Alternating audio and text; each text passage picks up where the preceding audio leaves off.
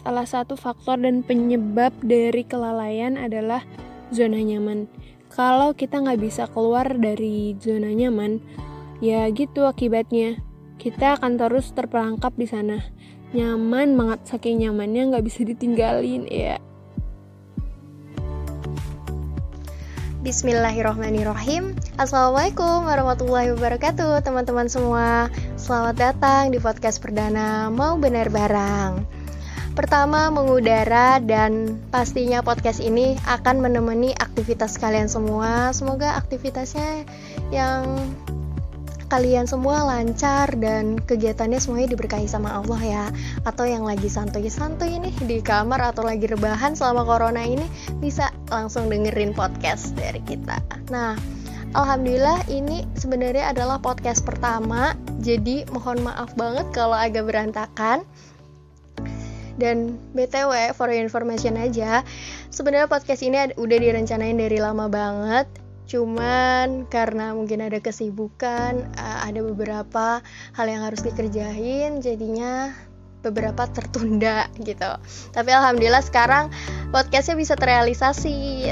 Alhamdulillah. Nah sebenarnya uh, kenapa sih uh, banyak yang bilang juga kenapa sih bikin podcast? Nah sebenarnya gini aku tuh punya banyak banget keresahan yang sebenarnya pengen aku omongin dan banyak juga yang pengen apa misalnya nanya uh, nis pendapat lu tentang hal ini gimana? Bla bla bla. Nah aku kadang-kadang pengen jawab tapi satu mungkin kalau misalnya ngetik juga terlalu panjang dan misalnya di Instagram kan cuma satu menit dan ada beberapa penyampaian yang memang nggak bisa disampaikan di Instagram. Jadinya mungkin harus dibuat dalam uh, dalam podcast ini. Dan podcast ini asik banget serius. Karena podcast ini bisa kita dengerin saat misalnya kita lagi di kendar kita lagi naik motor kita bisa uh, bisa sambil nyuci atau bisa lagi bebenah kita bisa dengerin podcast itu karena enak banget. Karena kita cuma ngedenger doang dan kuotanya juga nggak boros-boros banget loh btw dan sebenarnya podcast ini uh, lebih kepada keresahan dari aku sendiri sih sebenarnya udah banyak lama kayak punya banyak kekundahan, keresahan, apalagi tentang kayak para anak muda anak muda yang sekarang gitu. Hmm, gimana ya? Tahu sendiri kan ya. E, Sebenarnya jadi apa aja sih yang pengen aku bahas di podcast ini? Ya, jadi podcast ini uh, formatnya itu lebih ke opini, jadi bukan kayak kajian atau seminar, tapi kayak lebih ke ngobrol-ngobrol santuy aja. Mungkin di sini nanti kita akan bahas tentang kisah hijrah dari aku sendiri, uh, tentang perempuan, tentang atau bahas nanti tentang pertanyaan-pertanyaan dan yang gak jauh-jauh lah pasti intinya dari Islam. Karena kenapa sih bawa Islam melulu ya karena Islam itu udah kayak bagi jadi lifestyle ya. Jadi dari kita tidur sampai kita bangun ya kita semua udah diatur gitu dalam Islam. Dan kalau kalian belajar tentang Islam sebenarnya kan bakal jatuh cinta banget loh serius. Karena Islam itu agama yang seindah ini tapi kenapa kalian bisa baru kayak nyemplung gitu? Aku baru tahu ada Islam tuh keren banget kayak gini. Makanya itu jadi uh, tanpa bermaksud apa-apa ya aku di sini cuma pengen sering sedikit ilmu yang aku tahu ya mudah-mudahan aja itu bisa jadi amal kebaikan bagi aku. Oh ya btw uh, eh, dari tadi ngobrol uh, apa perlu sih kenalan sama yang yang apa sih? Yang ngomong ini siapa? Uh, jadi mungkin uh, perkenalan sedikit aja ya. Jadi yang bawain podcast ini adalah salam kenal nama aku Nisa Uh, jadi aku sebenarnya di mau bener bareng ini sama Wulan juga, cuman mungkin khusus podcast ini aku yang bawain gitu. Dan mudah-mudahan teman-teman bisa ambil kebaikan ya dari apa yang kita bawain baik di Instagram ataupun di Spotify atau Anchor. Semoga uh, kita semua semangatlah terus memperbaiki diri. Oh ya, jadi hari ini kita bakal ngomongin tentang apa sih kegalauan dan kerasa keresahan yang biasanya orang alami sebelum menemukan Islam. Dan kali ini aku nggak sendirian karena nanti ada ada yang akan menemani aku. Cia ilah menemani. Jadi gestar kita ini aduh keren banget sih serius. Karena aku curhat sama dia itu bisa hampir dua jam dan kita kayak terus ngobrol-ngobrol-ngobrol mungkin karena sefrekuensi juga karena nyambung gitu. Nah dia ini masya allah banget dan seorang yang lagi memperbaiki diri juga. Uh, teman satu kuliahan teman satu kuliahan aku juga. Hmm, cuman kita beda prodi. Kalau aku komunikasi penyiaran Islam. Sedangkan temenku yang satu ini adalah dari prodi PGMI jadi prodi guru SD nah oke langsung aja kita panggil gestar kita yaitu Sabrina. Assalamualaikum Sabrina. Gimana nih kabarnya nih? Selama corona udah ngapain aja nih? Apa rebahan-rebahan doang atau uh, banyak kegiatan nih? Waalaikumsalam warahmatullahi wabarakatuh. Alhamdulillah sehat Nisa. Uh, kalau ditanya kegiatan selama pandemi ini, tentunya mungkin sama dengan kegiatan-kegiatan yang dilakukan oleh teman-teman, yaitu uh, kuliah online, uh, menghabiskan waktu bersama keluarga gitu. Um, yang harus diapresiasi dan keren itu sebenarnya admin. Kalau kalau di sini saya, uh, aku aku di sini tuh masih masih um, pemula gitu masih mau memperbaiki baru mau memperbaiki diri masih tahap belajar gitu memperbaiki diri. Um, yang keren tuh admin yang harus diapresiasi karena sudah mau share-share kebaikan gitu. Ini bisa jadi inspirasi untuk teman-teman dan uh, untuk tidak hanya uh, menikmati kebaikan itu hanya untuk dirinya sendiri. Masya Allah, amin, amin. Mohon doanya juga ya buat teman uh, untuk teman-teman semua supaya uh, kita semua bisa diistiqomahkan. Tapi intinya kita bukan bukan orang yang udah baik, tapi kita masih sama-sama memperbaiki diri yang yang nggak sih Sab? Karena kadang kita buat uh, sebuah misalnya kayak konten kayak misalnya ngeser-ngeser kebaikan gitu, sebenarnya itu sebagai pengingat diri kita sih, bukan karena kita, diri ini yang sebenarnya butuh dinasehatin karena aku pernah buat konten di mana ketika buat tentang terutama ketika konten lalai malah jangan melalaikan sholat. Tapi di situ aku sendiri pernah ngerasa kayak aduh ya Allah males banget sholat gitu. Kenapa nih lagi? Mungkin karena ada lagi deadline kayak gitu-gitu. Tapi sampai akhirnya aku ngeliat posting aku kan pernah nge-share ini gitu. Kenapa aku jadi kayak munafik banget gitu? Aku memang belum bener gitu belum baik. Tapi setidaknya sambil aku men, uh, menyampaikan apa yang harus aku sampaikan aku juga terus memperbaiki diri jadi insya Allah lah mudah-mudahan aja Allah tetap luruskan niat hati kita hati kita semua dan semoga bisa diambil ya kebaikan-kebaikannya aja karena sebenarnya kebaikan-kebaikan itu datangnya dari Allah ya Oke, okay, Sap. Uh, jadi aku mau ini deh.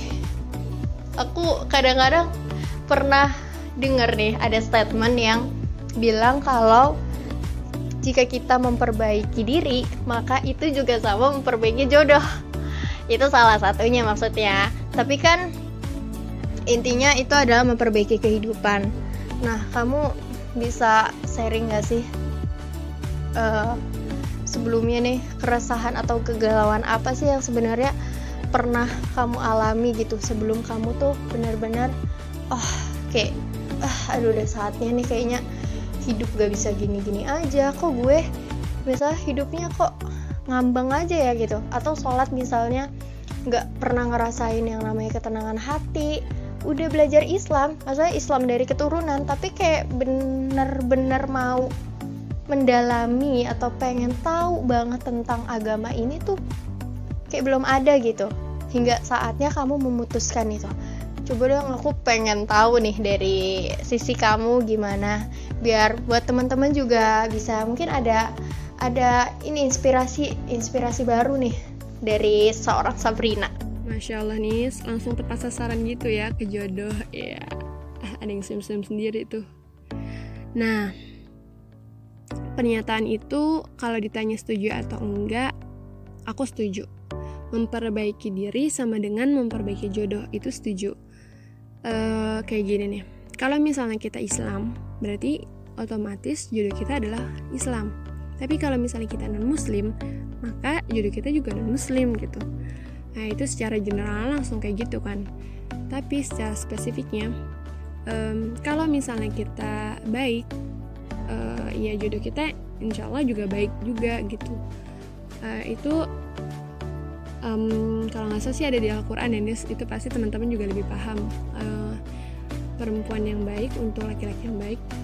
Dan sebaiknya gitulah pernah dengar ayatnya itu kan nah kalau aku yang aku pernah dengar ayat itu yang aku jelasin kayak gitu. Nah tapi kita harus garis bawahi memperbaiki diri itu hanya karena Allah Subhanahu wa taala, bukan karena e, mengharapkan dapat jodoh yang baik gitu.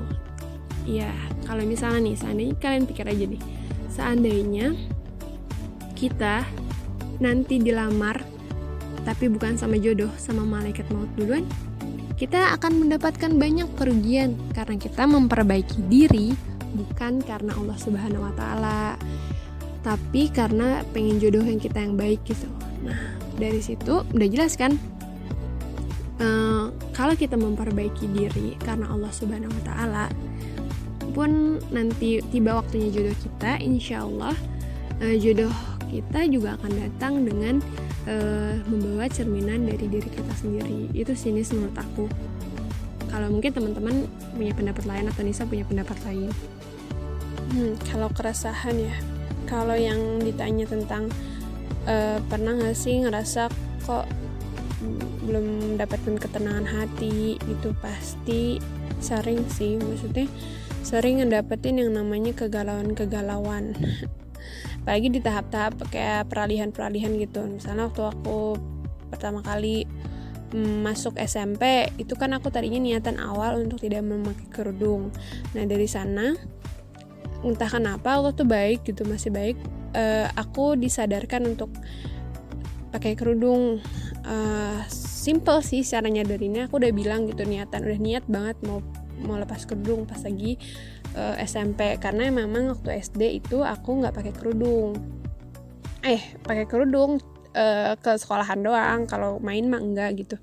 Nah terus dari situ udah pas lagi mau ke uh, eh, SMP itu tiba-tiba aku terinspirasi dari uh, anak rohis waktu MOPD yaudah kira di situ aku kepo dan gak jadi gak jadi untuk lepas kerudung kan. Yaudah kepo sama yang namanya Rohis. Ya udah akhirnya gabung ke Rohis gitu jadi cerita awal awalnya pun setelah ikut itu nggak langsung jeng jeng jeng jeng jadi baik jadi apa enggak sih. Banyak prosesnya. Jadi di uh, banyak yang dialamin jatuh bangun kayak yang ngerasa galau uh sering banget galau sih. Kalau misalnya sering ngerasa kok aku ada di posisi ini uh, ngalamin cobaan ini. Sampai aku harus pindah ke luar kota sendiri sana sama orang tua gitu. Dan di sana um, ya udah aku ngerasa melo-melo atau apalagi pas pindah ke luar kota sendiri nggak sama orang tua itu ngerasa melo sedih gitu kok ya Allah kok gini? Tapi ya udah gitu ini sih yang lebih nampar banget nanti pas lagi aku uh, ngalamin ditanya sih ditanya apa sih visi hidup? gitu. Visi hidup ke depan tuh apa? Terus visi hidup kamu apa terus bener nggak sih apa yang kamu lakukan sehari-hari yang apa yang aku lakukan sehari-hari sama visi hidup aku itu udah nyambung apa belum? Itu tuh nampar banget sih sebenarnya.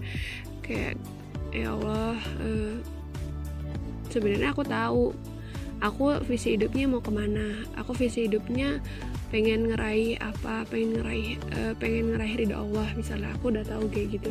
Cuman kok yang aku lakukan itu nggak nggak mencerminkan itu gitu. Lebih banyak uh, mengeluh lebih banyak kayak uh, ya nggak sesuai gitu sama yang harusnya aku lakukan gitu. Wah bener banget sih Sap. Kembali lagi tuh nus nusuk banget sih apa sih yang tadi kamu bilang tadi? E, bahwa ketika kamu mikir apa ketika kamu ditanya apa visi hidup kamu karena nggak semua orang gitu mikirin apa uh, punya proposal hidup uh, dan tahu gitu tujuan hidupnya dia diciptakan apa. At least misalnya dia memang tujuannya adalah mencari ridho Allah. Tapi apakah kegiatan kegiatan-kegiatan semua yang dia lakuin itu udah mencapai ridho Allah. Misalnya ketika dia belajar ketika dia bekerja. Karena nggak beribadah. Beribadah itu kan gak cuma sholat doang ya kayak gitu. Tapi banyak macamnya ketika kita mau. Misalnya kita memulai berbisnis kita memulai sesuatu usaha. Itu semua kan harus niatnya tuh karena Allah gitu. Karena nanti akan uh, jadi berkah gitu. Dan ngomongin tadi kamu bilang bahwa apa tuh uh, uh, ada kegundahan-kegundahan. Itu sama banget kayak aku aku juga ngalamin kegundahan kayak gitu. Aku juga sebelumnya memang pernah mengalami kegundahan-kegundahan. Atau dalam arti pernahlah dalam zona nyaman dalam beragama. Artinya gimana? Maksudnya ya ketika lo misalnya ya udah aman aja gitu dengan ibadah lo udah udah pasti ngerasa kayak misalnya ya elah mati masih lama gitu oh, ya elah masih muda gitu. Atau ya elah nanti aja lah belajar agamanya masih muda kayak gitu di foya-foyain itu pernah kepikiran kayak gitu. Sampai kepikiran uh, kok hidup gini-gini aja gitu. Kok rasanya ada yang beda gitu. Kenapa sholat tuh nggak dapat ketenangan hingga akhirnya aku tuh sering dimimpiin gitu loh apa sih? Dimimpiin kematian kematian kematian. Itu sumpah itu serem banget sampai di mimpi itu aku apa ya nggak bisa dibayangin sih. Itu serius karena serem gitu karena aku kayak ngerasa aku tuh nggak pengen mati gitu. Kayak aku di dalam hati aku udah tertanam rasa cinta dunia gitu maksudnya rasa cinta dunia kayak aku tuh takut mati gitu. Aku kenapa sih harus kenapa sih diciptain kalau misalnya aku bakal dimatiin gitu? Aku sering nanya kayak gitu. Kenapa sih nanti? Ya Ella emang sampai bertanya-tanya Allah itu emang kayak gimana gitu? Kenapa Allah nyiptain gitu? Sampai ngerasa kayak gitu. Parah banget gak sih? Sumpah sumpah. Dan aku mau cerita sih tentang kenapa atau kegalauan apa sih yang bikin aku tuh dulu kayak mengalami zona nyaman dalam beragama? Hingga aku memutuskan untuk udah saatnya ini. Udah saatnya nggak bisa kayak gini-gini aja. Udah saatnya nggak bisa kayak nyaman-nyaman aja dengan keadaan yang sekarang ini. Karena dulu sholat ngerasa kayak hampa banget nggak ngerasakan ketenangan sama sekali sampai aku dimimpiin kan tadi tentang kematian. Hingga akhirnya aku memutuskan bahkan nih aku pernah bilang sama abi aku begini ketika abi aku ngedengerin ceramah aku pernah bilang bi gak bosan aku ngedengerin ceramah mulu? Waktu itu uh, abi aku tuh suka banget dengerin ceramah Kiai Haji Zainuddin MZ sama Yusuf Ustadz Yusuf Mansur tapi aku aku nggak ada kayak rasa apa yang gemetar di hati belum ada sentuhan. Padahal itu udah diulang berkali-kali. Dan memang bener yang bikin orang mau belajar tentang agama itu bukan karena lingkungannya maksudnya bukan karena hanya lingkungannya misalnya dia tinggal di pesantren. Tapi kok dia tetap begitu-gitu aja gitu? Banyak kan yang di pesantren dalam kurung masih najkal? Kayak gitu. Tapi sedangkan misalnya di luar sana misalnya dari SMA tapi kok dia ada kayak giroh atau rasa sema giroh atau semangatnya dalam dalam berdakwah gitu misalnya. Itulah dari situlah aku tuh mikir kayak gitu. Wah kayaknya hidup gak bisa gini-gini aja. Kalau kata Buya Hamka kalau hidup sekedar hidup ya babi di hutan juga hidup. Kalau kerja sekedar bekerja ya kera kera juga bekerja gitu. Hingga sampai aku berpikir asik berpikir aku yang ngebedain manusia dengan hewan itu kan kita punya kemampuan untuk berpikir kita punya hawa nafsu kayak gitu kan.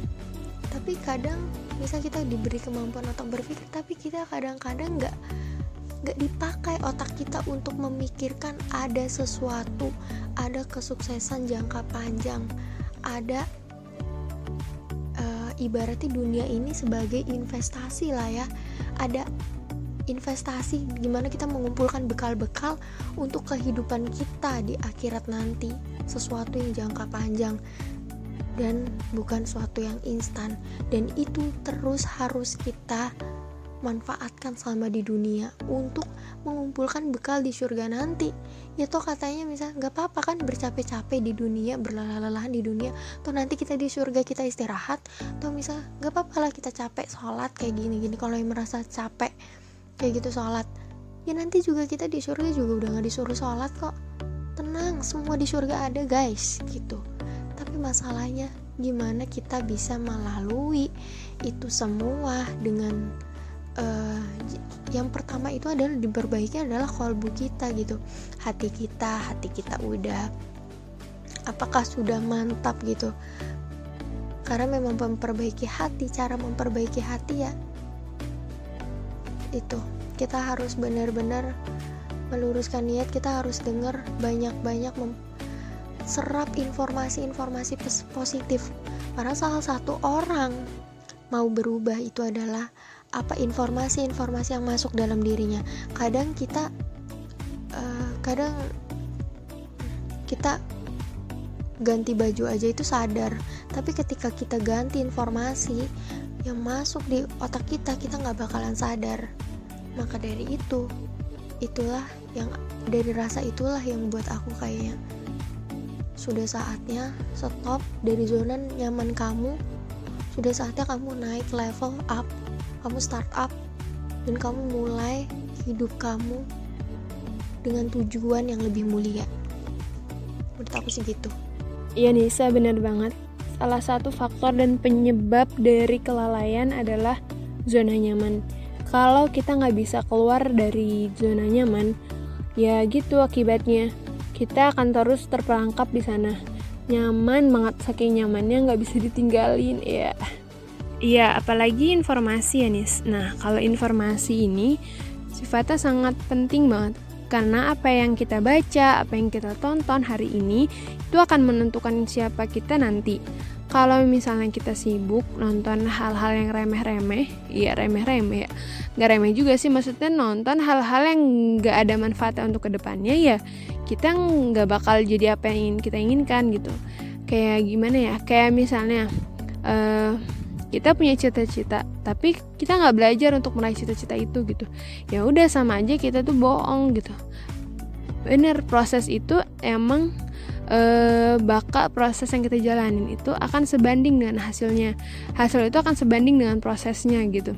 Kalau kita prosesnya usaha terus usaha untuk terus mendekatkan diri sama Allah insya Allah ke depannya e, kita akan uh, dapatkan ke, uh, kebaikan dan uh, keriduan Allah tentunya ya kan?